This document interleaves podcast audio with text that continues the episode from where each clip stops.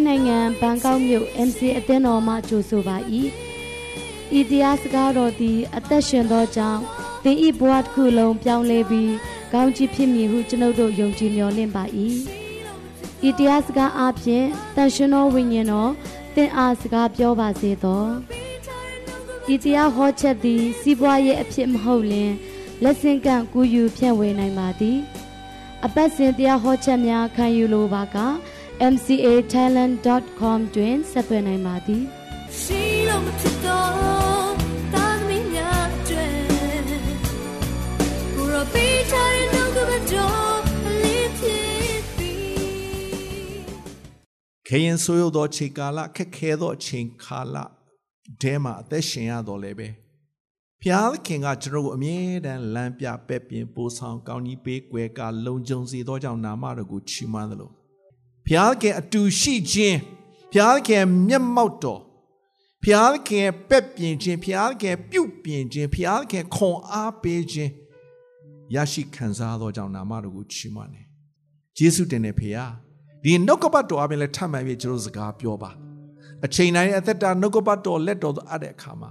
သက်ရှင်ပြီးကောင်းမြတ်သောသခင်ယေရှုခရစ်တော်၏နာမတော်မြတ်ကိုမြည်ပြု၍ယိုသေးလေးမြတ်စွာဆုတောင်းဆက်ကအနံပါတယ်ဖေဟာထိုင်အောင်ယေရှုတင်ပါတယ်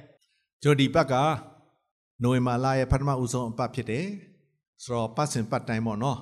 သူပြင်ပထမအပတ်တိုင်းမှာကျွန်တော်လူမှုရေးအလူငွေကျွန်တော်ကောက်ခံလျက်ရှိပါတယ်ကျွန်တော်ကပြုကိုခြင်းပြီးတဲ့အခါမှာ ကျွန်တော်လူမှုရေးအလူငွေကျွန်တော်ပါဝင်ကြဖို့ရန်အတွက်လည်းနှိုးဆော်ချင်ပါတယ်။တာရေးနာရေးအတွက်ဒီနေ့ကျွန်တော်တို့အသုံးပြုဖို့ရန်အတွက်ဖြစ်ပါတယ်။ဆိုတော့ကဒီနေ့အကြောင်းအရာလေးတစ်ခုကိုအဓိကအဝေမျှပေးချင်တယ်။ကာလချိန်ခါရွေးနှုတ်ပါဆိုတဲ့ခေါင်းစဉ်နဲ့ဝေမျှပေးချင်တယ်။ဘာဝေမျှမှာလဲ။ဒီနေ့ဘယ်သူမဆိုအသက်ကြီးတဲ့သူဆိုရင်လည်းသူ့ရဲ့အချိန်ကာလဖြတ်တန်းခဲ့ရတဲ့ အချိန်ရှိလားရှိတယ်ကျော်စင်60လေးနှစ်ထဲမှာရောက်လာတဲ့အခါမှာတော့ကိုယ်နိုင်ငံရဲ့အခြေအနေဖြတ်တန်းခဲ့ရတဲ့အချိန်ကာလရင်ဆိုင်ဖြတ်တန်းကြုံတွေ့ရတယ်ဂျေစုတော်ကြောင့်ဒီအသက်အရွယ်ဒီအသက်ရှင်ခွင့်ရတယ်သင်ယူရတဲ့အရာတွေမြောက်များစွာရှိတယ်ကြော့ထက်ဒီနေရာမှာအသက်ကြီးတဲ့သူတွေရှိကြတယ် ထင်တာပြောတာเนาะကျွန်တော်အားလုံးသိပါဘူးเนาะ သူတို့လည်းသူတို့ခေတ်ကာလအချိန်အခြေအနေကိုဖြတ်သန်းခဲ့ရတယ်။ဥပမာကျွန်တော်ထိုင်းနိုင်ငံကိုရောက်လာတာအခုဆိုရင်26နှစ်ထဲမှာရောက်လာပြီ။ဆိုတော့ဝန်ကြီးချုပ်တွေ၄၅6ရောက်လောက်မိလိုက်တယ်။နော်မိလိုက်တယ်။ဖြတ်သန်းလာခဲ့ရတဲ့အရာတွေရှိတယ်။ဆိုးရောက်တဲ့အချိန်ကာလခက်ခဲတဲ့အချိန်ကာလကြမ်းတမ်းတဲ့အချိန်ကာလမြောက်များစွာကျွန်တော်ဖြတ်သန်းရတယ်။ဒါပေမဲ့ဒီနေ့ဘာနိုးစော်ခြင်းတယ်လဲဆိုတော့ ဘယ်အချိန်နေဘယ်အချိန်ကာလဖြတ်သန်းနေရပါလေစေဖရာနဲ့သွားလာတဲ့သူတွေအဖို့ဖရာခင်နဲ့အသက်ရှင်တဲ့သူတွေအဖို့နေပူရှင်ရောက်ကြောင်းကိုတော့မှမသိရဘူးအာမင်ဟုတ်ရဲ့လားတော့မသိဘူးအချိန်နေအချိန်ခါကိုကြည့်မယ်ဆိုရင်တော့တစ်နေ့ထက်တစ်နေ့တစ်နေ့ထက်တစ်နေ့သာ၍ခက်ခဲလာတယ်ကြည့်မယ်ဆိုရင်ပေါ့ သူတို့ဒီနေ့ကျွန်တော်ကဘသူ့ကိုယုံတယ်လဲဘသူ့ကိုအားကိုးနေတယ်ဘသူ့ကိုခိုးလုံနေတယ်ဘသူ့ကိုမျော်လင့်နေတယ်လဲကျွန်တော်တို့သိရင်စိုးရင်စရာတွေကြောက်ရွံ့စရာတွေဘလောက်ရှိနေပလေစေဘုရားခင်နဲ့အတူလေဟုန်စီအဖနဲ့ပဲအာမင်လေဟုန်စီဖနဲ့မုန်တိုင်းများတဲ့ဟာလေလုယာလေဟုန်စီးတယ် ဆာဒီဗီလာလွန်ခဲ့တဲ့တစ်ခေါက်တော့ကသူနောက်ဆုံးလာသွားတဲ့အခေါက်ပေါ့နော်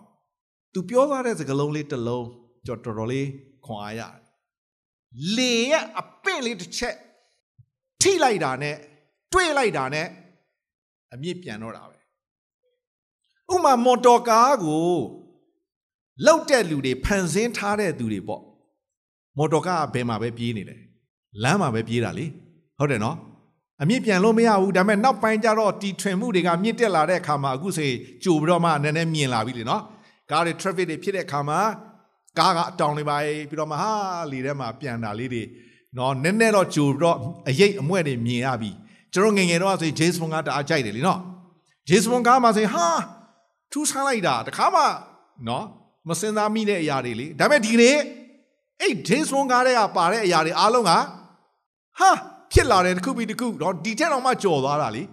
ဆိုတော့ဒီနေ့တနေ့ကျရင်လဲမော်တော်ကားတွေပြန်မလားတော့မသိဘူးပေါ့နော်ဒါပြောလို့တော့မရဘူးလေနော်ဖြစ်နိုင်တယ်ကျွန်တော်မိချင်မှလည်းမိမယ်တော့လည်းကျွန်တော်အချိန်ကာလဆိုတာရှိတယ်လေတော့လည်းလေရင်မြန်ကြတော့တီထွင်တဲ့သူတွေကအစပိုင်းမှာဘယ်ကိုပဲသွားလဲလေမြန်ခွင်းလေမြန်ခွင်းသွားဘူးတဲ့လူစင်သိတယ်လေနော်လေမြန်စီးဘူးတဲ့လူစင်မြေပြင်ပေါ်မှာပဲအရင်သွားရတယ်လေအချိန်ယူရတယ်လေပြီးတော့မှ ပြန်တော့တာတီထွင်တဲ့သူတွေကမြေပြင်ပေါ်မှာပဲချိန်လုံးသွားနေဖို့မဟုတ်ဘူးအမြင့်ကိုပြန်ဖို့ရန်အတွက်ဖြစ်တယ်ဒါဆိုရင်ဒီနေ့ကျွန်တော်ရောက်စီတဲ့အသက်တာထဲမှာမြေကြီးပေါ်မှာနေထိုင်ရတဲ့ကာလဆိုတာရှိလားရှိတာပေါ့သူတို့ပဲဒီနေ့မြေကြီးပေါ်မှာတစ်ချိန်လုံးလမ်းဆုံးသွားဖို့မဟုတ်ဘူးလေဟုတ်လားမသိဘူးတခါတခါကျွန်တော်ကလေကားလိုမျိုးပဲ လိုရာခီးတော့ပိုရောက်ပါတယ်ဒါပေမဲ့အမြင့်မပြန်နိုင်ဘူးဖြစ်တယ်ဆိုတော့ဒီနေ့တင့်ကိုဖျားခင်ဖန်ဆင်းထားတဲ့ရည်ရွယ်ချက်ကမြေကြီးပေါ်မှာပဲလမ်းဆုံးဖို့မဟုတ်ဘူးလေဟယ်လိုဟုတ်လားမသိဘူးမြေကြီးပေါ်မှာဆုံးရှုံးပြီးတော့မှလမ်းဆုံးသွားဖို့မဟုတ်ဘူးဆိုတာတွေနားလည်စေခြင်းတယ်ဒီနေ့ကျရင်ကျွန်တော်ဘယ်ကိုသွားလဲကောင်းကင်သွားမဲ့သူတွေမဟုတ်လား ကောင်းကင်ဆိုတာအမြင့်ဆုံးပဲလေပြောမယ်ဆိုရင်ဟုတ်တယ်နော်တချို့လူတွေကနော်အမေရိကန်တအားသွားချင်တာလေ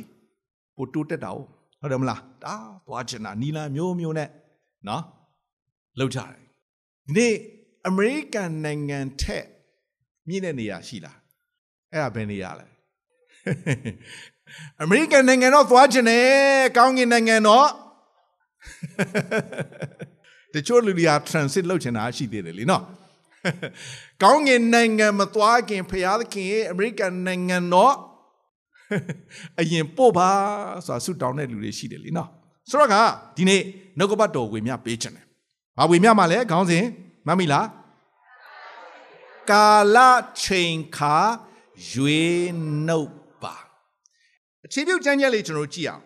အေဖက်ဝါဒစာအခန်းကြီး9အငယ်16ကိုအခြေပြုခြင်းတယ်ကျွန်တော်အားလုံးယဉ်နေတဲ့ ကျမ်းချက်ဖြစ်တယ်အေဖက်ဝါဒစာအခန်းကြီး9အငယ်16ကျွန်တော်လိုက်ဆိုရအောင်ယခုနေ့ရဲ့ကာလတို့သည်ဆိုးရုပ်တော်ကြောင့်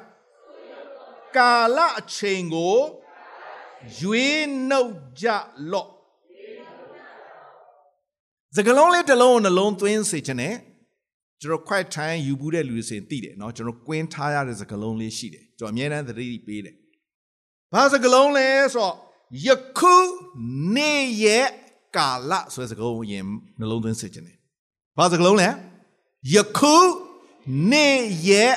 ကာလယခုနေ့ရဲ့ကာလလို့ပြောသောကြောင့်ဘယ်အချိန်ကာလလဲယခုပေါ့ဟုတ်တယ်နော်ဒါဆိုရင်ဒီနေ့ကိုယ့်ရဲ့အချိန်ကာလကိုယ်အသက်ရှင်ရတဲ့အချိန်ကာလအဲ့ဒီအချိန်ကာလမှာသင်က လူကြီးဖြစ်နိုင်တယ်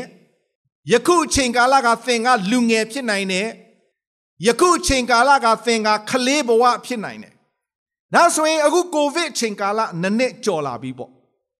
ကဲကိုဗစ်ကာလမှာဖြတ်တန်းလာခဲ့တဲ့လူတွေလက်ထောင်ကြည့်အောင်လက်မထောင်တဲ့လူကတော့ကြည့်ရတာပါသွားချင်တယ်နဲ့တူတယ်ကဲလက်ချကျေးဇူးတော်ကြောင့်ဒီကာလကိုကျွန်တော်ကြော်ဖြားလာခဲ့ရပြီလေ ဟုတ်တယ်မလားကျေးဇူးတော်ကြောင့်အသက်အရွယ်လိုက်ပေါ့ဆိုတော့ဒီနေ့ဗာပြောချင်လဲဆိုတော့ပထမချက်အနေနဲ့ယခုနေ့ရဲ့ကာလတဲ့ဘာလို့ပြောလဲဆိုတော့ဆိုးရုပ်တော်ကြောင့်တဲ့ဒါဆိုရင်ဒီနေ့ကျွန်တော်အသက်ရှင်ရတဲ့အချိန်ကာလကဘာအချိန်ကာလလဲဆိုးရုပ်တဲ့အချိန်ကာလအချိန်ကာလကိုကြည့်မယ်ဆိုရင်ဆိုးရုပ်တယ် တို့လည်းပဲဒီနေ့ကျွန်တော်ကဘာတူလဲသင်ကဘာတူလဲဒီနေ့ကျွန်တော်ကဘာတူလဲကျွန်တော်ကဘာတူလဲတခါခါလာလဲဖရာသားတခါမှဖရာသားဘဝကနေမတက်လာတော့ကျွန်တော်ကဘာတူလဲဖះသားနဲ့ကောင်းကင်နိုင်ငံသားတော့လဲတိတ်တော့မကွာဘူးပေါ့ဒီနေ့ကျွန်တော်ကဘာတူလဲဖះသားဘာတူလဲဖះသားဘလို့လူလဲ ဖះသားကဘလောက်ခက်ခဲနေပလေစေဘာဖြစ်လဲဖြေလေကျွန်တော်ကဘာတူလဲသူများအောင်မြင်ကိုလည်းအောင်မြင်သူများမဟုတ်ငါလောက်ရောင်းကိုလည်းမဟုတ်ငါလောက်ရောင်းသူများကွန်းရဆိုင်တဲကိုလည်းကွန်းရဆိုင်တဲဒီနေ့ကျွန်တော်ကဘာတူလဲအတူတူပဲလားခက်ခဲတဲ့ချိန်ကာလသူများလည်းညီကိုလည်းဟုတ်လားတချို့တွေကခက်ခဲတဲ့ချိန်ကာလမှာလေအောင်မြင်တယ် ခက်ခဲတဲ့ချိန်ကာလပိုလုံးစင်ပြေသေးတယ်တချို့လူတွေကဟုတ်လားမသိဘူးရိုက်စားလို့ကောင်းတာလေခက်ခဲတဲ့ချိန်ကာလမှာဟုတ်လားတော့မသိဘူးခက်ခဲတဲ့ချိန်ကလူများဒုက္ခရောက်လို့သူများအချွေးတွေတင်လို့သူကလေအိုးစင်ကိုပြေးနေတာကြော်ပြောချင်တာဖះနဲ့သွားတဲ့သူတွေကိုပြောနေတာနော်ဆိုတော့ကယခုနေ့ရဲ့ကာလတို့သည်ဆိုးရောက်တော်ကြောင့်ဆိုးရောက်တယ်သို့တော်လည်းပဲနောက်ကပတ်တော်ကဘာပြောလဲဆိုတော့ ကာလအချိန်ကိုရွေးနှုတ်တတ်တဲ့သူတွေအဖို့ကာလအချိန်ကိုရွေးနှုတ်တတ်တဲ့သူတွေအဖို့ဘလောက်ပဲခက်ခဲပလိစေဘလောက်ပဲဆိုးရုံနေပလိစေအေးစေပဲအေးစေပဲကိုဘေးရလူပြောအောင်တကယ်ချင်းဆိုးရုံတဲ့အချိန်ကာလမှာအေးစေရလားလို့ပြော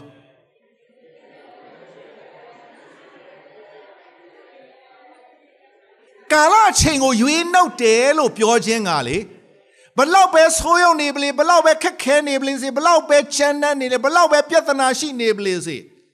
ဘုရားခင်တင်တဲ့အတူရှိတယ်လေဘုရားခင်တင်တဲ့အတူရှိခြင်းကတင့်ကိုကူညီဖို့တင့်ကိုမာစားဖို့တင့်ကိုခွန်အားပေးဖို့တင့်ကိုအောင်မြင်စေချင်တာတင့်ကိုတိုးတက်စေချင်တာမဟုတ်ဘူးလားဆိုတော့ချစ်တော်ညီကိုမောင်မတို့ယခုနေ့ရဲ့ကာလကဆိုးရုပ်တယ်တဲ့။ဒါပေမဲ့ဒီနေ့ ကာလအချိန်ကိုရွေးနှုတ်တတ်တဲ့ဖရာသားမီးတွေအတွက်ကတော့လေကာလကဘလောက်ပဲဆိုးရုပ်ပလေးစီကာလကဘလောက်ပဲခက်ခဲနေပလေးစီဒီစီပဲပထမဦးဆုံးအချက်အနေနဲ့နောအေးရဲ့အချိန်ကာလကိုနည်းနည်းလေးကျွန်တော်ကြည့်အောင်ကဘာဦးကျမ်းအခန်းကြီး6ကိုနည်းနည်းလေးကြိုဖွင့်စေခြင်းနဲ့ကဘာဦးကျမ်းအခန်းကြီး6အငယ်9ကိုအရင်ဖတ်ခြင်းနဲ့9နဲ့6 ပြီးတော့7စနစ်ကိုကြော်ပြီးတော့ဖတ်ခြင်းနဲ့မြေကြီးပေါ်မှာလူအပြစ်ကြီး၍သူ၏စိတ်နှလုံးအကြံစီရှိသမျှတို့သည်အစင်မပြဆိုးညစ်ခြင်းသက်သက်ရှိကြောင်းကိုဖျားသခင်သိမြင်တော်မူလျင်ကျွန်တော်လိုက်ဆိုရအောင်မြေကြီးပေါ်မှာလူကိုဖန်ဆင်းတော်မူသည်ကိုနောင်တရ၍ နှလုံးတော်ပူပန်လျက်ရှိတော်မူ၏ဘုရားခင်နောင်တရတယ်တဲ့ဗျာဘုရားခင်နှလုံးတော်ပူပန်တယ်စဉ်းစားကြည့်အောင်ဘုရားခင်နောင်တရတတ်လားဘုရားခင်ကစိတ်နှလုံးပူပန်တတ်သလားအရာခတ်တဲ့ဖန်ဆင်းရှင်ပဲလေအလုံးစုံတတ်နိုင်တဲ့ဖရားပဲလေဘာဖြစ်လို့ဖရားသခင်ကနောင်တရရတယ်အလုံးစုံသိတဲ့ဖရားပဲ ဒီနေ့ဖရားသခင်ကကျွန်တော်ဖန်ဆင်းထားတာဖရားနောင်တရသလားကဲကိုဖေးရလူပြောအောင်တင့်ကိုဖရားခင်ဖန်ဆင်းထားတာဖရားခင်နောင်တရစရာအကြောင်းများဖြစ်နေလားလို့ဘာဖြစ်လို့ဖရားနောင်တရရတာလဲဘာဖြစ်လို့ဖရားနောင်တရရတာလဲအဲ့ဒီအချိန်ကာလတုန်းကလူတွေကအပြည့်ကြီးတယ်အစင်မပြားဆိုးညစ်ခြင်းတက်သက်ရှိတယ်ဒါပေဒီနေ့ ကျွန်တော်အသက်ရှင်ရတဲ့နေ့ရက်ကာလဘလောက်ပဲဆိုးရုံနေပလေစေဖခင်သားလေဖခင်သားတွေလေဖခင်သားတွေအာမင်မခေါ်ဘူးလားဟဲ့ဖခင်သားတွေမဟုတ်ဘူးလားဟဲ့ဖခင်သားတွေဖခင်သားတွေ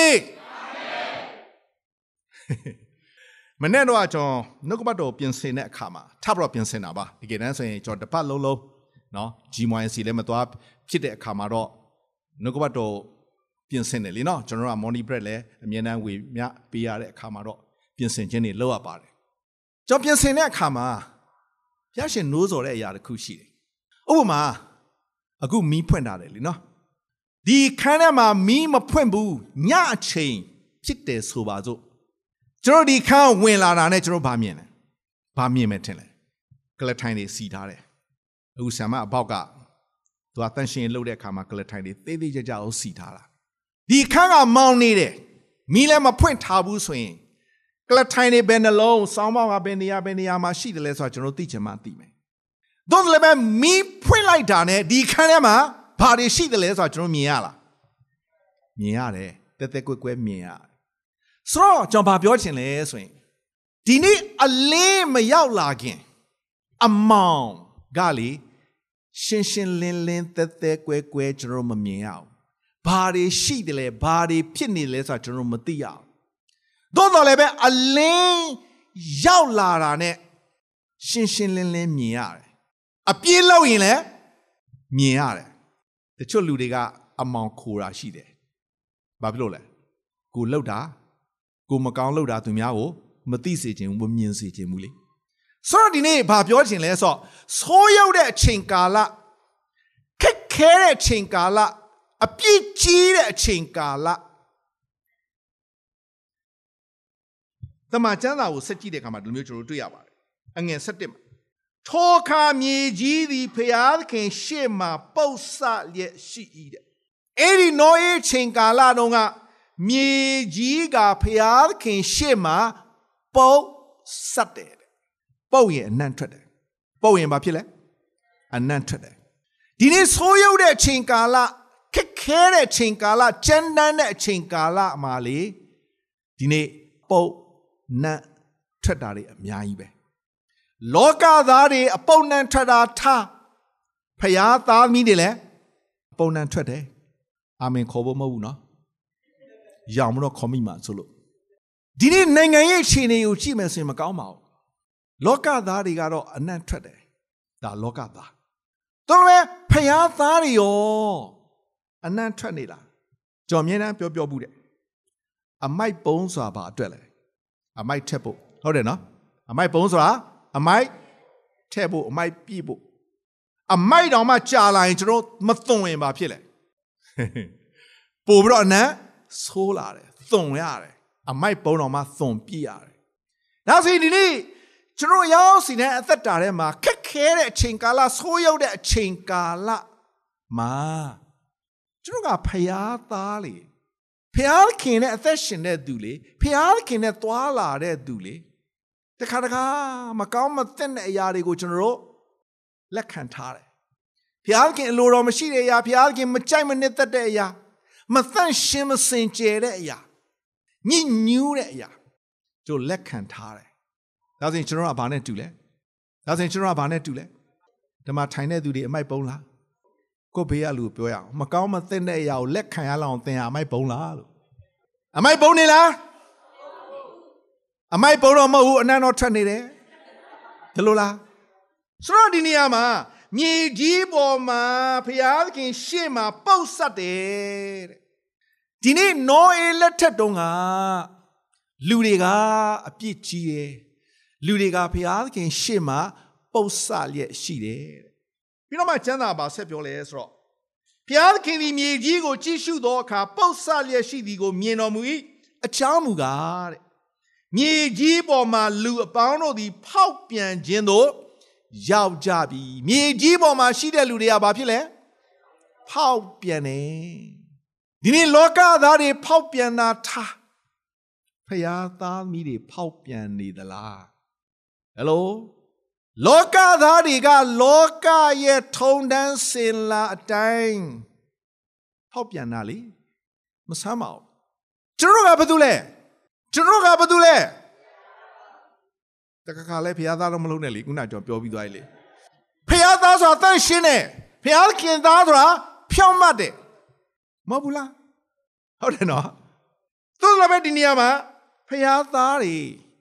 ဖောက်ပြန်တဲ့အထဲမှာများပါနေသလားဘာလို့ကျွန်တော်ဒီအောင်မိမောင်းထိုးပြကျင်တယ်လဲဆိုရင်အကြောင်းရှိလို့သို့တော်လည်းပဲအဲ့ဒီအချိန်ကာလမှာနောအေးဆိုတဲ့သူရှိတယ်ဘာတူလဲနောအေးအဲ့နောအေးနေရာမှာကျွန်တော်ဖြစ်ပေရစေလို့နှလုံးသွင်းစေခြင်းတယ်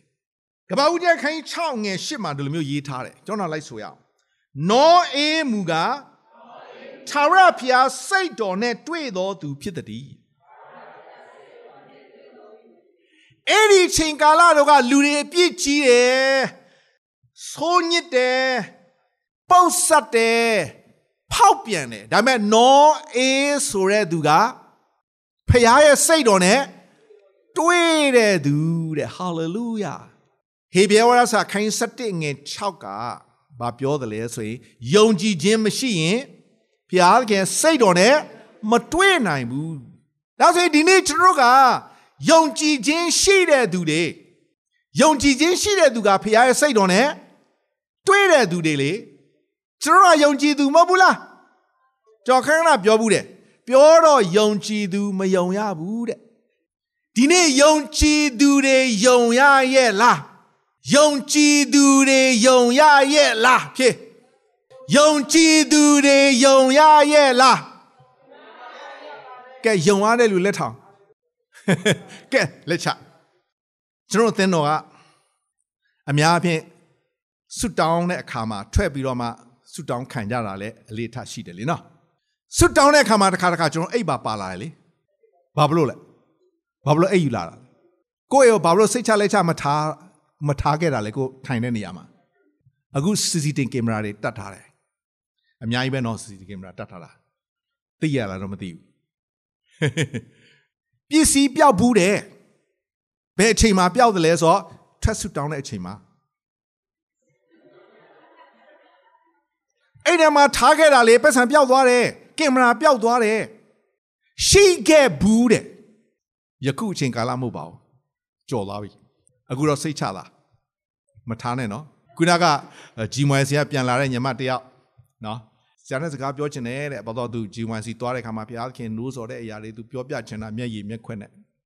အိတ်ပါလာတယ်လေဆရာဒီမှာထားခဲ့လို့ရတာဟာအပြင်မှာတော့မထားနဲ့လေတောင်းမယူနိုင်ဘူးလေနော်လူတလောက်များတာနော်တခုခုပြစ်သွားရင်ဘယ်ကောင်းမလဲဟုတ်တယ်မလားအခုမှဂျီမွယ်စီကနေပြန်လာတာလေကျတော့ရုံကမ်းမှာသွားထားခိုင်းတယ်ခင်ဗျားတို့ကြောင့်မယုံတာမဟုတ်ဘူးနော်ယုံပါတယ်ယုံပါတယ်သို့တော်လည်းပဲ ဒီနေ့ယုံကြည်သူတွေယုံရရဲ့လားဆိုတော့ဒီနေရာမှာဗာပြောချင်တယ်လဲဆိုတော့နော်အေးလက်ထက်တုန်းကလူတွေဖောက်ပြန်တယ်လူတွေပြစ်ကြီးတယ်ဖျားခင်ရှေ့မှာပုတ်ဆက်တယ်တို့လည်းနော်အေးဆိုတဲ့လူကဖျားရဲ့စိတ်တော်နဲ့တွေ့တယ်ဖျားရဲ့စိတ်တော်နဲ့တွေ့ခြင်းကစိတ်တော်တွေ့တဲ့အရာပါလဲယုံကြည်ခြင်းလေအဲ့ဒီနေ့ကျွန်တော်ယုံကြည်သူတွေဘုရားရဲ့စိတ်တော်နဲ့တွေ့တဲ့ယုံကြည်သူတွေမဟုတ်ဘူးလား ဒါဆိုရင်ယုံကြည်သူတွေယုံရရဲ့လားကိုဘေးကလူပြောရအောင်များယုံကြည်သူမဟုတ်လားယုံရရဲ့လားလို့ပြောဟာလေလုယာဒီနေ့ယခုနေ့ရဲ့ကာလကဆိုးရောက်တယ်နော်ဆိုးရောက်ပါတယ်ယုံကြည်သူတွေယုံရတယ်အာမင်မခေါ်ဘူးဆိုတော့လေမယုံရဘူးနဲ့တူတယ်ကဲလွန်ခဲ့တဲ့တပတ်နှစ်ပတ်တုန်းကကိုရီးယားမှာဘာဖြစ်သွားလဲအများတို့ကကြည့်ရတာသတင်းအသိမကြည့်ဘူးနဲ့တူတယ် ကိုရီးယားမှာဘာဖြစ်သွားလဲဘာအကြောင်းအရာနဲ့တည်သွားလဲဟောလုံးရဲ့ယုံကြည်သူနဲ့ဘာဆိုင်လဲဆိုင်ဆိုင်မဆိုင်ဆိုင်ဆိုတော့ကဒီနေ့ခေတ်ကာလအခြေအနေကိုကြည့်မယ်ဆိုရင်ဆိုးရုပ်လားဆိုးရုပ်ရတယ်အဲ့ထက်မှယုံကြည်သူတွေများပါလာမပါလာတော့ကျွန်တော်မသိဘူးပေါ့ဒီနေ့ချစ်တော်ညီကိုမောင်နှမတို့ အဲ့ဒီနောအေးချိန်ကာလကဆိုးရောက်ပါတယ်ဒါပေမဲ့နောအေးဆိုတဲ့သူကဟာဖခင်ရဲ့စိတ်တော်နဲ့တွေ့တဲ့သူယုံရတဲ့သူယုံကြည်စိတ်ချတဲ့သူဒီနေ့ဖခင်သားသမီးတွေယုံရတယ်ဗျအာမရသလိုပဲဖခင်သားသမီးတွေကလေယုံရတယ်စိတ်ချရတယ်ဖခင်ဂုံယူရတဲ့သူတွေဖြစ်တယ်အာမင် အာမင်ဖခင်သားသမီးတွေသာများများမြေကြီးပေါ်မှာရှိကြအေးစေပဲဘတ်ကာမတိုင်မှာပဲဖြစ်ဖြစ်ရုံးမှာပဲဖြစ်ဖြစ်လေမြန်ခွင်းမှာပဲဖြစ်ဖြစ်ကြောင်းမှာပဲဖြစ်ဖြစ်လူတွေမရှိတဲ့နေရာမှာပဲဖြစ်ဖခင်သားသမီးတွေသာရှိကြဘာဖြစ်လဲအားလုံးကဖျားသားမီးတွေယုံကြည်စိတ်ချတဲ့ဖျားသားမီးတွေသာရှိကြည့်ဖြစ်ကြည့်ဘာဖြစ်မလဲ ဒီစီပဲမလားဟာလေလုယာဒီနေ့ခေတ်ကာလကြီးကဘလောက်ပဲဆိုးရုံနေပါလေစေနောအေးဆိုတဲ့ယုံကြည်သူဖရာသားသမီးတွေရှိတယ်အဲ့ဒါသင်ဖြစ်ပါစေသင်ကခက်ခဲတဲ့ဆိုးရုပ်တဲ့အချိန်ကာလမှာဖရာသခင်ရဲ့စိတ်တော်နဲ့တွေ့တော့ဖရာသခင်ယုံကြည်စိတ်ချရသော သားသမီးဖြစ်တယ်။ဘာကြောင့်လဲလို့ကျွန်တော်တို့ကြည့်တဲ့အခါမှာ ကပ္ပဦးကျမ်းခိုင်း6ငွေ22ကိုကြည့်ရင်ဖရာသခင်ကမြေကြီးကဆိုးရုပ်လာပြီ။အဲကြောင့်ရေနဲ့ဆေးကြောတော့မယ်။အဲကြောင့်ဖရာသခင်ကဘာလုပ်ခိုင်းလဲနောအေးကိုသင်္ဘောဆောက်ခိုင်းတယ်။အဲ့ဒီချိန်ကာလတုန်းကဆိုရင်မိုးတစ်ခါမှမရွာဘူးသေးဘူး။သင်္ဘောဆောက်တယ်ဆိုတာဘယ်ကိုပဲဆောက်ရမှာလဲ။ကမ်းနားမှာပေါ့။ရေစိတ်နားမှာဆောက်ရမှာလी။အခုတော့နောအေးကဘယ်မှာသွားဆောက်လဲ။ အယူနော်။ဒီနေ့ဆိုးရုပ်တဲ့ချိန်ကာလမှာယူတွေယူတကအယူထဲမှာဖះယူကအကောင်းဆုံးလို့ပြောတာပဲဆိုတော့နောရအယူပဲတော့ပြောမယ်ဆိုရင်ခုနကကျွန်တော်ဘာဖတ်သွားလဲမသိဘူးကပ္ပဦးချမ်းခိုင်း6ငွေ20မှာမာထားတော်မူသည့်အတိုင်းလဲနောအေပြုလေဤတဲ့ဖះမာထားတဲ့အတိုင်း သင်မောဘလို့ဆောက်ရမလဲဆိုတာတိတိကျကျအငယ်73ကိုကျွန်တော်စဖတ်ရင်ကျွန်တော်တွေ့ရတယ်ဖျားပြောတဲ့အတိုင်းနောအေပြူတယ်အဲ့ဒါကြောင့်ကဘာဦးချမ်းခန်းကြီးခုနှစ်အငယ်1ကိုကျွန်တော်တို့ကြည့်တဲ့အခါမှာဒီလိုမျိုးကျွန်တော်တွေ့ရပါတယ်ကျွန်တော်လိုက်ဆိုရအောင်ဤကာလအမျိုးတွင်သင်သည်ငါရှိ၌ဖြောင့်မကြောင်းကို ငါသိမြင်သည်ဖြစ်၍အဲ့ဒီအချိန်ကာလမျိုးမှာတဲ့သင်ဟာတဲ့ဘသူကိုပြောတာလဲနောယေကိုပြောနေတာငါရှင်းနိုင်ဖြောင့်မကြောင်းကိုငါသိမြင်တယ်သင်ဟာငါရှေ့မှာဖြောင့်မတယ်ဆိုတာငါမြင်တယ်တဲ့ဖျားသခင်သိလားဖျားသခင်ကျွန်တော်မြင်လားမြင်တယ်ကဲကျမ်းစာလေးချက်ကိုကျွန်တော်ကြည့်အောင်33ခုမြောက်သောဆာလံ အဲ့ဒါတော့ခဏလေးခောက်ထားပေါ့နော်33ခုမြောက်သောဆာလံအပိုင်ငယ်73 55နည်းနည်းလေးကြည့်မယ်နော်33ခုမြောက်သောဆာလံအပိုင်ငယ်73 55ကဲကျွန်တော်လိုက်ဆိုရအောင်မြန်သွားအောင်ထာဝရဘုရားသည်ကောင်းငင်ဘုံကကြည့်ရှု၍လူသားအပေါင်းတို့ကိုမြင်တော်မူ၏ချင်းဝတ်တော်မူရာအရာကကြည့်ရှု၍မြေကြီးပေါ်မှာ နေသောတတ္တဝါအပေါင်းတို့ကိုမတ်တော်မူ၏သူတို့စိတ်နှလုံးရှိသည်များတို့ကိုဖန်ဆင်း၍သူတို့ကျင့်သည်များသောအကျင့်တို့ကိုလည်းဆင်ခြင်တော်မူ၏ဆိုတော့ဘုရားခင်ကကောင်းငင်ဘုံကနေကြီးရှုပြီးတော့လူသားအပေါင်းတို့ကိုမြင်တယ်ဒါဆိုရင်ဒီနေ့ဆိုးရုပ်တဲ့အချိန်ကာလခက်ခဲတဲ့အချိန်ကာလမှာကျွန်တော်အသက်ရှင်နေရပါတယ်သင်က ဘလို့နေထိုင်အသက်ရှင်တယ်လဲဆိုတာဘုရားသခင်မြင်တယ်နှလုံးသားအစဘုရားသခင်သိတယ်ဒီနေ့ဆိုးရောက်တဲ့အချိန်ကာလနိုင်ငံရေးအခြေအနေကိုကြည့်မယ်ဆိုရင်မကောင်းပါဘူးကျန်းမာရေးအခြေအနေကိုကြည့်မယ်ဆိုရင်လည်းကိုဗစ်အချိန်ကာလလေနိုင်ငံရေးမကောင်းရင်စီးပွားရေးလည်းအနဲ့နဲ့များမကောင်းပါဘူးဒါလည်းဘုရားသခင်မြင်တယ်နော်ဘုရားသခင်သိတယ်နော် နော်ဝေးကသူ့ရဲ့အချိန်ကာလမှာဆိုးရုပ်တယ်ခက်ခဲတယ်လူတွေဖောက်ပြန်တယ်ဒါပေမဲ့ဖခင်ရဲ့စိတ်တော်နဲ့တွေ့တယ်ဖခင်မာထားတဲ့အတိုင်းဖခင်ပြောတဲ့အတိုင်းလှုပ်တတ်တဲ့သူဖြစ်တယ်အဲကြောင့်ဖခင်ကဘလို့ဂုံယူဒီလိုမျိုးကာလမျိုးမှာသင်ကငါရှေ့မှာဖြောင့်မတ်တယ်ဆိုတာငါသိမြင်တယ်တဲ့ဒီနေ့ဆိုးရုပ်ခက်ခဲတဲ့အချိန်ကာလမှာဘုရားရှင်သိကိုမြင်တယ်သင်ကိုမြင်တယ်သင်ကိုသိတယ် ဆိုတော့နေ့ပြောပြပါရစေကဲဒါဆိုရင်ဒါနောရဲ့ကာလပဲလို့ကျွန်တော်ပြောမလား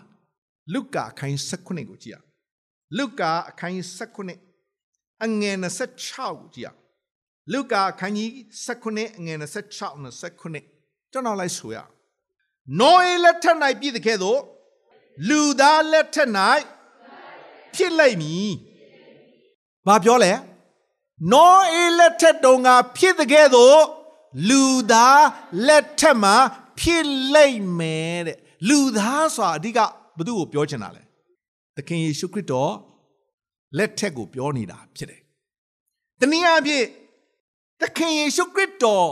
နောက်တစ်ဖန်ဒုတိယအချိန်ပြန်လဲကြွလာမဲ့အချိန်ကာလကို ပြောနေတာဖြစ်တယ်။သခင်ယေရှုခရစ်တော်ပထမကြွလာခြင်းကလူတွေကိုကယ်တင်ဖို့အပြစ်ရှိတဲ့သူကိုကယ်တင်ဖို့ဒုတိယကြွလာခြင်းတွေကစီရင်ဖို့ဆိုတော့ ဒီနေရာမှာနောအေးလက်ထက်တုန်းကဖြစ်တဲ့ကဲ့သို့တဲ့လူသားလက်ထက်၌ဖြစ်လိမ့်မယ်လို့နှုတ်ကပတ်တော်ကကြိုပြောထားတယ်ကျွန်တော်ဆက်ဆိုပြအောင်နောအေးသည်သင်္ဘောတဲ့သို့ဝင်၍ရေလွမ်းမိုးခြင်းဖြစ်သည်ဖြင့်လူခတ်သိန်းတို့သည်သောက်သင်ပယ်ရှင်းသည်နှစ်တိုင်အောင် လူများတို့သည် စားသောက်ရဲ့ ထိမ်းများစုံဖက်လျက်နေကြ၏ဒီနေရာမှာကျွန်တော်တို့သတိထားရမယ်စကလုံးလေးကနောအေးကသင်္ဘောတဲ့သို့ဝင်ရရေလွမ်းမိုးခြင်းဖြစ်သဖြင့်လူခတ်သိန်းတို့ကိုသုတ်သင်ပယ်ရှင်းတဲ့နေ့တိုင်အောင်တဲ့လူတွေကစားသောက်လျက်ထိမ်းများစုံဖက်လျက်နေကြတယ်ဒါဆိုရင်နောအေးလက်ထက်တုန်းကလူတွေစားသောက်သလိုလူတွေထိမ်းများစုံဖက်သလို ဒီနေ့လူသားလက်ထက်တည်ဟူသောခရစ်တော်ပြန်လဲကြွလာဂာနီးအချိန်ကလူတွေစားကြတယ်တောက်ကြတယ်ထိမ်းများကြတယ်စုံဖက်ကြတယ်မဟုတ်ဘူးလားဟုတ်တယ်နော်ဒါဆိုရင်ဖះသားမိတွေဘာတွေစားပြီးတော့ဘာတွေတောက်လဲထိမ်းများစုံဖက်ကြလားစုံဖက်ပြီးတော့ထိမ်းများကြလားတော့ပြောပြဘူးတယ်နော်ထိမ်းများစုံဖက်ထိမ်းများအရင်လာလားစုံဖက်ကအရင်လာလား မထိမ်းများရသေးဘူးယခုနေ့ရဲ့ကာလတို့ဒီဆိုးရောက်တယ်နော်အေးလက်ထက်တုန်းကလူတွေဖောက်ပြန်တယ်လူတွေပေါက်ဆက်တယ်လူတွေအပြည့်ကြီးတယ်လူသားလက်ထက်မှာဖြစ်လိုက်မယ်လို့နှုတ်ကပတ်တော်ကကြိုတော့တတိပေးပြီးသားဒီနေ့ကျွန်တော်တို့အချိန်ကာလကခရစ်တော်ဒုတိယကျင့်ပြန်လဲကြွလာဂာနီးအချိန်ကာလလေဒီနေ့ဖရာသားသမီးတွေကျွန်တော်ဘာစားတောက်ကြလဲဒီမနေ့စားပြီးပြီလား ဒီမနေ့တောက်ပြီးပြီလားဘာကိုပြောတာလဲ breakfast စားတာကိုပြောတာမဟုတ်ဘူးနော် coffee တောက်တာကိုပြောတာမဟုတ်ဘူးနော်ဒီမနေ့စားပြီလားကဲဒီမနေ့နှုတ်ကပတ်တော်ဖတ်လာတဲ့သူလက်ထောင်တော်တော်လေးနည်းသွားပြီဟိုမှာဗီဒီယိုရိုက်ထားတဲ့ကဘာရရကြည့်နေတယ် MC အသင်းတော်ကဒီမနေ့စားလာတဲ့သူနည်းနည်းလေးပဲဘာစားလာကိုပြောတာလဲယုံကြည်သူကလေ လောကအစာနဲ့အသက်ရှင်ရတာတပိုင်းဝိညာဉ်အစာနဲ့အသက်ရှင်ပြီးတော့ကြီးထွားကျမ်းမာဖို့ကတပိုင်းတော့ယုံကြည်သူကအစားနှမျိုးရှိတယ်သင်ကဘယ်အစားပဲစားလဲတခါတခါဝိညာဉ်ခွန်အားနည်းတယ်နည်းမှာပေါ့တခါမှဝိညာဉ်စားမှမစားပဲဟုတ်လားဒီနေ့နော်ရလက်ထက်တော့ကဆိုးရောက်တယ်ဒီနေ့လူသားလက်ထက်မှာလည်း ရှိတယ်ရင်ဆိုင်ရတယ်ကြုံတွေ့ရတယ်ဖရာသားသမီးတွေဖရာခင်နဲ့အသက်ရှင်တဲ့သူတွေဖရာခင်နဲ့သွားလာတဲ့သူဖရာခင်မာထားတဲ့အတိုင်းပြုတ်တဲ့သူတွေကလေဤကာလမျိုးမှာသင်ငါငါရှေ့မှာဖြောင့်မတယ်ဆိုတာငါသိတယ်တဲ့ဟာလေလုယာသင်ဖြစ်ပါစေဒီမှာထိုင်တဲ့သူရောက်စီတိုင်းဖြစ်ပါစေဒီနှုတ်ကပတ်တော်ကကျွန်တော်အတွက်ပဲဒီနှုတ်ကပတ်တော်ကကျွန်မအတွက်ပဲအာမင် ဒီလိုမျိုးကာလမျိုးမှာဖခင်ကလေသင်ကိုကြည့်ပြီးတော့သင်ကငါရှေ့မှာဖြောင့်မကြောင်းကိုငါသိတယ်တကယ်တမ်းသင်ကခရစ်တော်ယုံကြည်တဲ့အခါမှာဖြောင့်မတော်သူ ဖြစ်ပြီးသားဒါပေမဲ့စာရန်ကလေသင်ကိုလက်စားတယ်ဒီမနေ့နှုတ်ကပတ်တော်ကျွန်တော်ဆင်ကျင်တဲ့အခါမှာလေစာရန်ကသိလဲတယ်နော်သူကမှုသာဖလေလက်စားတတ်တဲ့သူလေဟိုးအာရန်နဲ့အေဝါလက်ထက်ကလေးကသူကလက်စားခဲ့တာ မနေ့တော့ကျွန်တော်ပြန်ပြီးတော့ဆင်ကျင်တဲ့အခါမှာနှုတ်ကပတ်တော်ဒီလိုမျိုးကျွန်တော်တွေ့ရတယ်နော်နည်းနည်းလေးကျွန်တော်ဖတ်ပြကြည့်မယ်နော်ဆက်ဝင်မြပေးခြင်းတဲ့ဟာလေးရှိလို့နော်ကပ္ပဦးကျန်ခန်းကြီး3ကိုကြည့်တဲ့အခါမှာအငယ်1မှာမွေသည်ထာဝရရှင်ဖျားခင်ဖန်ဆင်းတော်မူသောမြေတရိษံတကာတို့ထက်လိမ်မာသည်ဖြစ်၍မွေကလိမ်မာတယ်နော်ဆိုတော့ကျမ်းစာကိုဆက်ဖတ်တဲ့အခါမှာဒီလိုမျိုးတွေ့ရတယ် သင်တို့သည်ဥယျင်၌ရှိသမျှသောအပင်တို့၏အသီးကိုမစားရဟုစင်စစ်ဖျားခင်မိတ်တော်မူသလောတဲ့မွေကမိမကိုလာပြောတယ်သင်တို့သည်ဥယျင်၌ရှိသမျှသောအပင်တို့၏အသီးကိုမစားရအေကန်စင်စစ်ဖျားခင်မိတ်တော်မူသလားတဲ့စာရန်ကလေလူတွေကိုဘယ်လို့လက်စားရမလဲဆိုတာမေးခွန်းနဲ့ထုတ်တယ်ဒီနေ့မေးခွန်းထုတ်ခြင်းခံရရင်သတိထားတော့လက်စားခံရတတ်တယ် တန်တရားဖြစ်အောင်သတိထားမိမကဘာဖြစ်လဲဆိုတော့ငါတို့သည်ဥယျာဉ်၌ရှိသောအပင်တို့၏အသီးကိုစားရသောအခွင့်ရှိ၏ဘုရားကပြောတယ်စားရသောအခွင့်ရှိတယ်တို့လည်းပဲဥယျာဉ်လယ်၌ရှိသောအပင်အသီးကိုကသင်တို့သည်မကင်မစားဘဲနေကြ၏တဲ့ဆိုတော့ဒီနေရာမှာဖျားစကားကဘာပြောလဲဆိုတော့ ကဘာဦးချမ်းခိုင်းနှစ်ငယ်16မှာဒီလိုမျိုးရေးထားတယ်ထာဝရရှင်ဖျားခင်ကလည်းကောင်းမကောင်းကိုသိကျွမ်းရအပင်မတပါထိုဥယျာဉ်၌ရှိသည်များသောအပင်တို့၏အသီးကိုသင်တို့သည် စားရသောအခွင့်ရှိ၏စားရတဲ့အခွင့်ရှိတယ်တော့လည်းဒီနေရာမှာစာရန်ကမွေဖြစ်ဟန်ဆောင်ပြီးတော့မှမေကွန်းလာထုတ်တဲ့အခါမှာမိမပြန်ပြောလိုက်တဲ့စကားကဘာလဲဆိုတော့သင်တို့သည်မကင်မစားပဲ နေကြလော့တယ်ဖျားခင်ပြောတော့ကဘာပြောလဲသင်သည်စားရသောအခွင့်ရှိဒီနေရာမှာမကင်မစားရဘူးဆိုတဲ့စကားလုံးလေးသုံးထားတယ်ဘာစကားလုံးပို့လာလဲမကင်ဆိုတဲ့စကားလုံးမကင်လို့ပြောလိုက်တော့ကချင်နာမည်များတူနေလားတော့မသိဘူးပေါ့အပိုထက်သွားတယ်ဒီနေ့လက်စားခြင်းခံရတဲ့သူတွေကလေနည်းနည်းပိုတယ် ဆိုတော့ဒီနေ့အဓိကကျွန်တော်ပြောချင်လဲဆိုတော့လူသားလက်ထက်မှာဖြစ်ပျက်လာမဲ့အရာဆိုတာနှုတ်ကပတ်တော်ကကြိုပြောထားပြီးသားနောအေးလက်ထက်တုန်းကဖြစ်တဲ့ကဲတော့လူသားလက်ထက်မှာဖြစ်မယ်လို့ပြောပြီးသားပဲဖြစ်တယ်ဒါပေမဲ့ဒီနေ့ကျွန်တော်ရောက်စံအသက်တာထဲမှာဘလောက်ပဲခက်ခဲဆိုးရုံနေပလိစေဖယားသခင်စကားကို နားထောင်တဲ့သူတွေအဖို့အပိုအလိုမရှိတဲ့သူတွေအဖို့ကြဆုံးစရာအကြောင်း မရှိဘူးဆိုတော့ဒီနေ့ပထမအချက်အနေနဲ့ပြောပြချင်တာဖြစ်တယ်ဒုတိယအချက်အနေနဲ့သုံးချက်နည်းနည်းလေးကျွန်တော်ပြောပြနော်အခုတဏှာကြီးထိုးသွားပြီနည်းနည်းလေးပဲကျွန်တော်ထပြောပြဖြစ်တယ်ဒုတိယစကားလုံးကဘာလဲဆိုတော့နောင်ကာလဆိုတဲ့အချက်လေးကိုဆက်ဝေမျှပေးခြင်းတယ်ပထမအချက်ကဘာဝေမျှခဲ့လဲယခုနေရဲ့ကာလဒုတိယအချက်ကနောင်ကာလနောင်ကာလဆိုတာ အဲ့ဒီနှုတ်ကပတ်တော်ပြောတဲ့အချိန်တုန်းကမဖြစ်သေးဘူးဒါပေမဲ့ဖြစ်လာမဲ့အရာဒါဆိုရင်ဒီနေ့ဒီအရာကကျွန်တော်ရဲ့အချိန်ကာလဖြစ်နေပြီရောက်နေပြီဆိုတာနေ့ကျွန်တော်တို့နှလုံးသွင်းစေခြင်းတယ်ဒါဆိုရင်နောင်ကာလလို့ပြောလာတဲ့အခါမှာနှစ်တိတ်ခိုင်း3အငယ်1 5ကိုနည်းနည်းလေးကြည့်မယ်ကျွန်တော်နည်းနည်းအချုပ်ပဲပြောခြင်းတယ်ဘာလို့အချိန်ကိုကြည့်လိုက်တဲ့အခါမှာ နော်နှစ်တိခိုင်း3အငယ်1နဲ့5ကျွန်တော်အားလုံးယဉ်နေတဲ့ကြံကြက်ဖြစ်တယ်နည်းနည်းကျွန်တော်ဖတ်ပြမယ်အဓိကကျွန်တော်မိမောင်ထိုးပြခြင်းတဲ့အချက်ရှိတယ်နောင်ကာလသည်တဲ့ခဲရင်သောကာလဖြစ်မည်ဟုသိမှလောတဲ့နောင်ကာလကြတော့ဘာဖြစ်မယ်လို့ပြောလဲခဲရင်သောကာလဖြစ်မည်ဟုသိမှပါဒီနေ့ဖျားသားသမီးတွေနောင်ကာလဆိုရဲ အချိန်ဒီနေ့ရောက်လာပြီဖြစ်တယ်။တနည်းအားဖြင့်ခရစ်တော်ဒုတိယကျင့်ပြန်လဲကြွလာကနီးအချိန်ကာလကိုဆိုလိုနေတာဖြစ်တယ်ပြောနေတာဖြစ်တယ်။ခဲရင်သောအချိန်ကာလဖြစ်မယ်ဆိုတာသိမှတ်ပါနော်။ကဲကိုဘေးကလူပြောအောင်နောင်ကာလကလေးခဲရင်တဲ့အချိန်ကာလဖြစ်မယ်ဆိုတာသိနော်တငယ်ချင်းတို့ပြောအောင်။ခဲရင်မယ်နော်။ကျမ်းစာပါဆက်ပြောလဲဆိုတော့ အဘယ်သို့နီးဟုမူကားတဲ့ကျွန်တော်လိုက်ဆိုရအောင်လူတို့သည်ကိုကိုကိုချစ်တော်သူငွေကိုတတ်မဲ့တော်သူဝါကြွားတော်သူ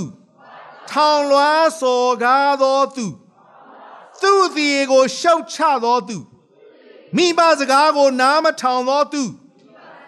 ဂျေဇုမရှိတော်သူတန်ရှင်းခြင်းမရှိတော်သူ ပဂရိကျင်နာစုံမဲ့ခြင်းနဲ့ကင်းသောသူယံညိုးဖွက်သောသူ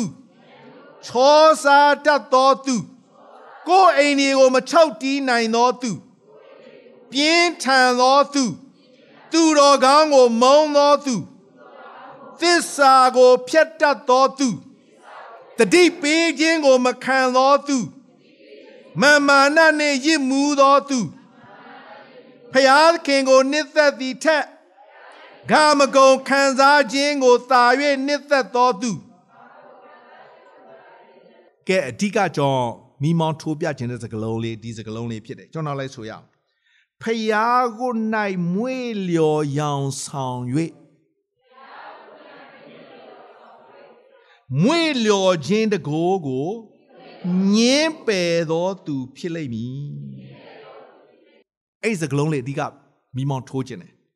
ခုနကကျွန်တော်ဖတ်သွားတဲ့အရှိရစကလုံးလေးကိုလေတေးသေးချာအိမ်ရောက်ရင်ပြန်ဖတ်ပြီးတော့မှဘယ်နှစ်ချက်ညှိနေလဲလို့ကိုယ့်ကိုပြန်ပြီးတော့နှလုံးသွင်းအောင်ချက်တိုင်းညှိလေလားမသိဘူးပေါ့စစ်ဆေးအောင်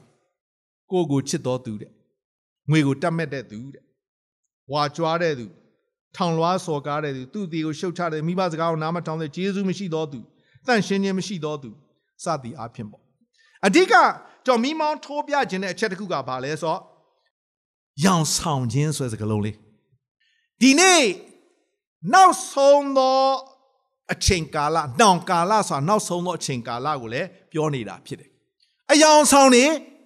အများကြီးဖြစ်လာလိမ့်မယ်ရင်ဆိုင်ရလိမ့်မယ်ကြုံတွေ့ရလိမ့်မယ်ဒီနေရာမှာအဓိကမိမောင်းထိုးပြတဲ့အရာပါလဲဆိုတော့ဖယားကို၌မွေလျော် ရောင်ဆောင်တယ်ဘာရောင်ဆောင်လဲဖယားကို၌မွေလျော်ရောင်ဆောင်တယ်ဒီမနေ့ကျွန်တော်ကျမ်းစာကိုပြန်လေ့လာတဲ့အခါမှာ commentary ကိုနည်းနည်းပြန်လေ့လာလေလေနော်နည်းနည်းဖတ်ဖတ်ဆင်ကျင်တဲ့အခါမှာသူသုံးထားတဲ့စကားလုံးတွေအများကြီးပဲကျွန်တော်တွေ့တာအယောင်ဆောင်ခြင်းလို့ပြောလာတဲ့အခါမှာဖောက်ပြန်တဲ့ကာလဟန်ဆောင်ခြင်းအတုအယောင်ပြီးတော့မှမျက်နှာဖုံးစွတ်ဆိုတဲ့ စကားလုံးလေးသူတို့သုံးထားတာကျွန်တော်တွေ့ရတယ်မျက်နှာဖုံးခုနကကျွန်တော်ပြောသွားတဲ့ကိုရီးယားမှာဖြစ်သွားတဲ့အရာအဲ့ဒီနေ့ရက်ထဲမှာဗာမျက်နှာဖုံးစွတ်ကြတယ်ကျွန်တော်အားလုံးသိတယ်တကယ်တမ်းဒါသူတို့အစ်စ်လားမဟုတ်ဘူးလေမျက်နာကိုမကောင်းဆိုးဝမကောင်းဆိုးဝါပေါ့ပြောမယ်ဆိုရင်နော်အဲ့ဒါနဲ့စွတ်ထားတယ်ဗျာသင်္ကာမကောင်းဆိုးဝါလားဒါဆိုရင်ဒီနေ့ကျွန်တော်မျက်နှာဖုံးအောင်ပါလေဒီနေ့ကျွန်တော်ကဖျားနဲ့ဆိုင်တဲ့သူလေဖျားသားလေ ဖျားနဲ့တူတာကိုဖျားကလေတန့်ရှင်းတဲ့ဖျားကဖြောင့်မတ်တာလေကျွန်တော်မျက်နှာဖုံးအောင်ပါလေမကောင်းဆိုးဝါတဲ့ဒီနေ့အတုတွေအယောင်ဆောင်တွေပေါ်တဲ့ခစ်ဟုတ်လားမသိဘူးဟုတ်တယ်တဲ့ဒီနေရာမှာကျွန်တော်ဘာတွေ့ရလဲဆိုရင်နည်းနည်းထင်ပေါ်ကြော်ကြားလာပြီဆိုရင် အတုကလိုက်လာတယ်ဗျပစ္စည်းတွေနာမည်ကြီးလာပြီ ရောင်းအားကောင်းသွားပြီဆိုရင်ဘာတွေလိုက်လာလဲမလေးအတုအတုအတုတခါတခါအတုကလေစစ်တဲ့တောင်မှာကောင်းတယ်လို့လို့တကယ်တမ်းအတုကအစစ်မဟုတ်ဘူးဟုတ်တယ်မလားအတုဘလောက်ပဲကောင်းကောင်းအတုကအစစ်မမဟုတ်ပဲတခါတခါလေအတုကအစစ်တဲ့တောင်မှပိုးကောင်းသလိုလိုကျွန်မသတိရလဲဆို ဒီမှာဒီနေ့ကျွန်တော်ချစ်တဲ့တရုတ်လူမျိုးတွေရှိလာတော့မသိဘူးနော်ရှိနိုင်ပါတယ်နော်သူတို့ပြောချင်တာတော့မဟုတ်ဘူးပေါ့ဒါပေမဲ့ပြောသလိုလိုဖြစ်ချင်းဖြစ်မှာပေါ့နော်အဲ့ဒီကျွန်တော်တို့အချိန်ကာလတုန်းကလေတရုတ်ပစ္စည်းတွေရေးလဲလဲနော်ရောင်းအားကောင်းတဲ့အချိန်ကာလလေရေဒီယိုပေါ်လာတဲ့အချိန်ကာလအဲ့အချိန်တော့ရေဒီယိုတွေကျွန်တော်တို့တရွာလုံးမှာရေဒီယိုတစ်လုံးပဲရှိတာ ကျွန်တော်ကျောင်းဦးဆရာကြီးအိမ်မှာရေဒီယိုတစ်လုံးပဲအာရေဒီယိုဖွင့်လိုက်လေသချင်းတွေကဘယ်ကနေထွက်လာမသိဘူးဟာဒီကျတယ်ဘယ်ကဆိုတော့အများကြီးရေဒီယိုတွေမှာအဲ့ကျွန်တော် BBC တို့နော်နားထောင်ရတဲ့ခစ်လေနော်နားထောင်ရတယ်ဆိုတော့လေဘာကြီးတရားပဲဆန်စူးစူးပြီးတော့သူလည်းလိုချင်တယ်လေနော်ဖန်မြို့မှာသွားပြီးတော့ဝယ်ဝယ်ဖို့ရန်အတွက်ဖြစ်တာလူတွေကသတိပေးတယ်ဟေးတရုတ်ပစ္စည်းမဝယ်နဲ့နော်ကြာကြာမခံဘူးကြာကြာမခံဘူး တိတိကျကျမှားတာလားဘလို့မှားတာလဲတရုတ်ပစ္စည်းမဝယ်နဲ့နော်ကြာကြာမကောင်းဘူးကြာကြာမခံဘူးပတ်စံလည်းစုထားတာလေနော်အဲ့ချိန်တော့လည်းပတ်စံတော်တော်လေးဈေးကောင်းတဲ့အချိန်ဆိုင်ရောက်သွားတော့လဲကြီးလိုက်တော့ဟေးအာရေဒိုတွေတလုံးကောင်းတလုံးပိုကောင်းတာပေါ့ကျွန်တော်တရုတ်ပစ္စည်းမယူနော်တရုတ်ပစ္စည်းမယူနော်ကျွန်တော်အစ်စ်ပဲယူမှာဘာကြီးအစ်စ်မအစ်စ် ဒီမှာဖတ်ကြည့် China မိတ်အစ်စ်ဒီမှာ China မိတ်တရုတ်ပစ္စည်းမဟုတ်ဘူးနော် China သူက China တရုတ်ပြစ်မှမသိမှမသိပဲဆိုတော့ဝယ်လာရောဝယ်လာတော့ဘာဖြစ်လဲလက်စားခံရတာပေါ့တခါတခါလေအတုတ်ကအစ်စ်တဲ့ပိုကောင်းတယ်။ Ellie Presley အချိန်တော့ကလေနာမည်ကြီးတယ်။နော်။ရေးလည်းအသံကောင်းတယ်လေနော်။ဒီမှာ ဟိုလေအပြားကြီးတယ်။လက်ဆိုရင်လည်းအပြားကြီးခြေတော့ဆိုရင်လည်းဘဲလေးနဲ့လေအဲ့ချိန်ကသူနာမည်ကြီးတယ်။ဆိုတော့ Ellie Presley အတုပြိုင်ပွဲလုပ်ကြတာလေ။နော်တကဘာလုံးကလာပြိုင်ကြတာ။ Ellie Presley ကသတင်းကြားတဲ့အခါမှာသူကိုယ်တိုင်အယောင်ဆောင်ပြီးတော့ဝင်ပြိုင်တယ်ဆိုပဲ။ဝင်ပြိုင်တဲ့အခါမှာ Ellie Presley ကဒုတိယပဲရတယ်အစ်စ်ကဒုတိယပဲရတာအတုတ်က ပထမရတယ်အဲ့တော့ Elipris ကမေးတာပေါ့ဟေးငါကအစ်စ်ငါဘာလို့ပထမမရတာမင်းကအစ်စ်လေမင်းကအတုမှမဟုတ်ပဲအခုကအတုပြိုင်ပွဲလေတဲ့ဒီနေ့နောင်ကာလကလေအတုရောင်နေအများကြီးရှိတယ်မျက်ခုံးမွေတုတင်တုယင်တုသပင်တုအတုအတုတွေအများကြီးရှိတယ် ဒီနေ့အဲ့ဒီအတုတွေထဲမှာဝိညာဉ်ရေးရအတုကသိကြောက်စရာကောင်းတယ်သတိထားဖို့ပြောပြခြင်းတယ်ဒါနောင်ကာလဖြစ်တယ်အဲ့ဒါကြောင့်ကျမ်းစာကဒီလိုမျိုးနိုးစော်ထားတာဖတ်ပြခြင်းတယ်ဘယ်ကိုဖတ်ပြခြင်းလဲနံပါတ်1အချက်တိတိခိုင်းလေးအငယ်တစ်နှစ်ကိုနည်းနည်းလေးဖတ်ပြခြင်းတယ်တိတိခိုင်းလေးငယ်တစ်ကျွန်တော်လိုက်ဆိုရအောင်ဝိညာဉ်တော်သည်အတိလေးပြာရိတ်ထားတော်မူသည်က ဘာပြာရိတ်ထားလဲဝိညာဉ်တော်ကအတိလင်းပြာရိတ်ထားတယ်ကျွန်တော်လိုက်ဆိုရအောင်နောင်ကာလ၌ဩတပစိတ်တွင်တံဘူးနဲ့ခတ်ခြင်းကိုခံပြီးလျင်မုသာစကားကို ပြောတတ်သောသူတို့၏လူဝဲခြင်းအပြင်လူချို့တို့သည်ယုံကြည်ခြင်းကိုစွန့်ပယ်၍လက်ဖြားတတ်သောစိတ်ဝိညာဉ်တို့၌၎င်း နတ်ဖျားတို့နှင့်ဆက်ဆိုင်သောဩဝါဒတို့၌၎င်းမိဝဲစီကကြလိမ့်မည်ဝိညာဉ်တော်ကအတိလင်းဗျာဒိတ်ထားတယ်တဲ့ဝိညာဉ်တော်ကသေသေးကြကြပြောထားတယ်နောင်ကာလမှာတဲ့အောတပစိတ်တွင်သံဘူးခတ်ခြင်းကိုခံတယ်တဲ့အောတပစိတ်သံဘူးခတ်ပြီးဆိုရင်လေ ဘာမှလုပ်လို့မရတော့ထူသွားပြီမတိုးတော့ဒီနေ့ကျွန်တော်ယုံကြည်သူဖခင်သားသမီးတွေအောတပစိတ်တန်ဘူးခတ်ခြင်းခံနေရသလားနားလေကြလားမသိဘူးเนาะရှင်းပြဖို့အချိန်နည်းသွားပြီဒီနေရာမှာနှုတ်ကပတ်တော်ဘလို့သတိပေးလဲဆိုလူချို့တို့သည်ယုံကြည်ခြင်းကိုစွန့်ပယ်၍ယုံကြည်သူဆိုတာယုံရတယ်ဖျားစကားကိုယုံတာ အခုကယုံကြည်ခြင်းကိုစွန့်ပယ်တယ်မာယွင်ခြင်းအတုအယောင်နောက်ကိုပါသွားတယ်ဖောက်ပြန်ခြင်းဘာကြောင့်လဲအော်တပါစိတ်တန်ဘူးနိတိနိတိခန်းကြီး၄အငယ်3နိတိခန်းကြီး၄အငယ်3ဒီလိုမျိုးရေးထားတယ်ကျွန်တော်လိုက်ဆိုရအောင်အကြောင်းမူကားနောင်ကာလ၌လူတို့သည် စင်ကြယ်သောဩဝါဒကို နားမခံနိုင်မဲရတတ်သောနားရှိလျင်မိမိတတ်မဲ့ခြင်းတိုင်းများပြားသောဆရာတို့နောက်သို့လိုက်ကြလိမ့်မည်။နောင်ကာလမှာဘာဖြစ်မယ်လို့ထင်လဲ။ဘာဖြစ်မယ်လို့ပြောလဲ။စင်လူတွေကတဲ့စင်ကြယ်သောဩဝါဒကို နားမခံနိုင်ဘူးတဲ့။ ရာတတ်သောနားရှိတဲ့အတွက်ကြောင့်မိမိတတ်မဲ့ခြင်းတိုင်းများပြားသောဆရာတို့နောက်သို့လိုက်ကြမှာဖြစ်တယ်။တတိထားဖို့ဒီနေ့နှိုးဆော်ခြင်းနဲ့နောင်ကာလမှာဒီလိုမျိုးတွေ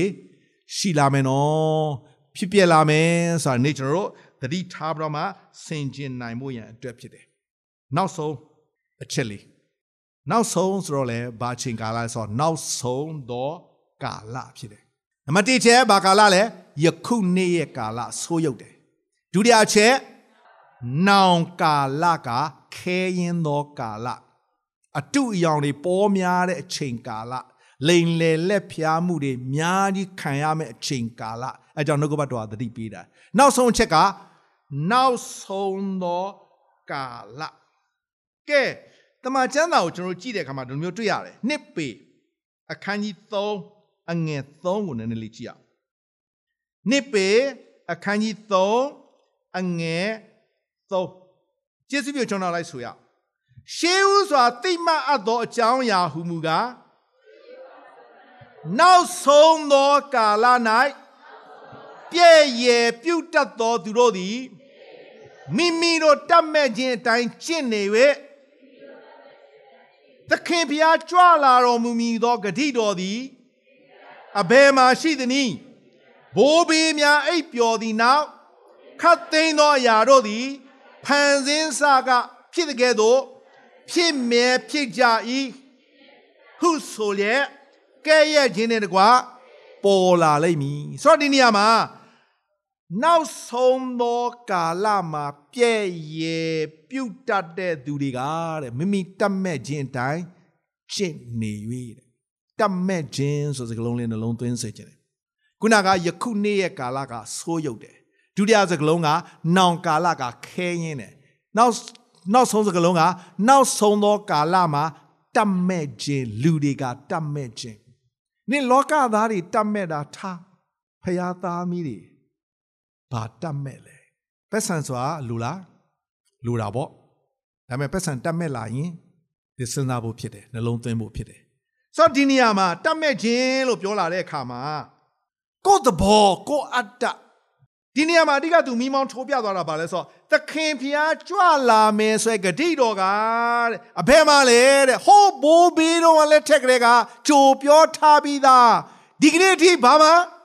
ဖြစ်မလာပါလားတဲ့ပြည့်ရည်ပြုတ်ပြီးတော့မှကဲ့ရဲ့ခြင်းနဲ့ပေါ်လာနော်ရေးလက်ထက်တော့အဲ့လိုမျိုးဖြစ်တယ်နော်နော်ရေးကသင်္ဘောတဲတဲ့ခါမှာလူတွေကကဲ့ရဲ့တယ် မဖြစ်နိုင်ဘူးလေဒါပေမဲ့ဖြစ်လားဖြစ်တယ်ဒီနေ့နောက်ဆုံးသောအချိန်ကာလမှာယုံကြည်သူဖခင်သားမိတွေတတ်မဲ့ခြင်းဆိုစကလုံးကိုဒီနေ့နှလုံးသွင်းစေခြင်းတယ်ဒီနေ့ဖခင်ကိုနံပါတ်1နေရာမှာကျွန်တော်ထားရမှာဖြစ်တယ်ဒါပေမဲ့ဖခင်နေရာမှာတတ်မဲ့ခြင်းကဝင်လာပြီးဆိုရင်ဖခင်ကအလိုလိုနေရင်ဒုတိယရောက်သွားတယ်တတိထားဖို့ဖြစ်တယ်ငွေကလိုအပ်တာ တယ်ပဲငွေကိုတတ်မဲ့လာဆိုရင်ဒုစရိုက်ဒုစရိုက်ဖြစ်ဖို့မခက်တော့ဒီနေ့ကျွန်တော်သတိထားဖို့ပတ်ဆံကကျွန်တော်တို့ရဲ့ကျွန်မဟုတ်ရအောင်ကျွန်တော်သခင်မဖြစ်ရအောင်ဘုရားခင်ပေးအပ်ထားတဲ့ကျွန်တော်လိုအပ်တဲ့အရာဖြစ်တယ်ဆိုတော့နေ့ကျွန်တော်တို့နားလေဖို့ဆိုတော့ဒီနေ့ကျွန်တော်တို့တွေ့ရတယ်ဆိုတော့ဒီနေ့နောက်ဆုံးကြံကြက်အနေနဲ့ကျွန်တော်မိမောင်းထိုးပြခြင်းတဲ့အချက်တစ်ခုကဒေသနာကျမ်းခိုင်းစနစ်အငယ်1နဲ့ကျွန်တော်ပြိတ်မှာဖြစ်တယ် ဒေသနာကျမ်းခိုင်းစနစ်အငယ်1ကျွန်တော်အားလုံးယဉ်နေပါတယ်ဒီနှုတ်ကပတ်တော်ကတို့လည်းကျွန်တော်ပြန်ပြီးတော့မိမောင်းထိုးပြခြင်းနဲ့ကျွန်တော်လူငယ်အချိန်တော့ဆိုရင်ဒီနှုတ်ကပတ်တော်ကအမြဲတမ်းကျွန်တော်သင်ကြားခံယူရခဲ့တဲ့နှုတ်ကပတ်တော်ဖြစ်တယ်စနစ်အငယ်1ကျွန်တော်လည်းဆိုရအောင်ငါနေ၍မပြောနိုင်ဟုဆိုရသောကာလသည်မနီးသိုးသောကာလမရောက်မီ ယခုအသက်ပြိုစဉ်အခါပင်သင်ကိုဖန်ဆင်းတော်မူသောအရှင်ကိုအောင်မေ့လောငါနေ၍မပြောနိုင်ဘူးဆိုရသောကာလကမနီးဘူးဒီနေ့ချစ်တော်ညီကိုတို့ကျေးဇူးတော်ကြောင့်ဒီနေ့ကျွန်တော်နေလို့ရသေးတယ်နော်နီးလာပြီနော်သိုးသောကာလမရောက်မီ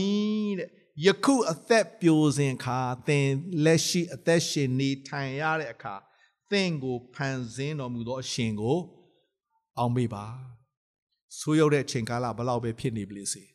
ဖန်ဆင်းရှင်ဖျားနဲ့သင်အသက်ရှင်သွားလာလှုပ်ရှားတဲ့အခါမှာမာထားတဲ့အတိုင်းသင်ပြုတ်တဲ့အခါမှာတော့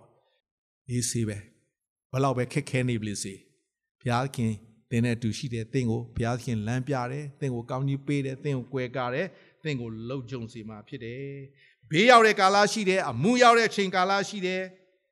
တို့လည်းပဲဒီနေ့ကိုတော့ကိုပထနာပြုဖို့ရန်အတွက်ဖြစ်တယ်ကိုတော့ကယ်လွတ်မှာဖြစ်တယ်ဆိုတာနေ့ဒီနှုတ်ကပတ်တော်အပြင်လို့ဆိုချင်တာဖြစ်တယ်ဒီနှုတ်ကပတ်တော်အပြင်ရောက်စတိုင်းဘုရားရှင်ကောင်းကြီးရှိပါစေ။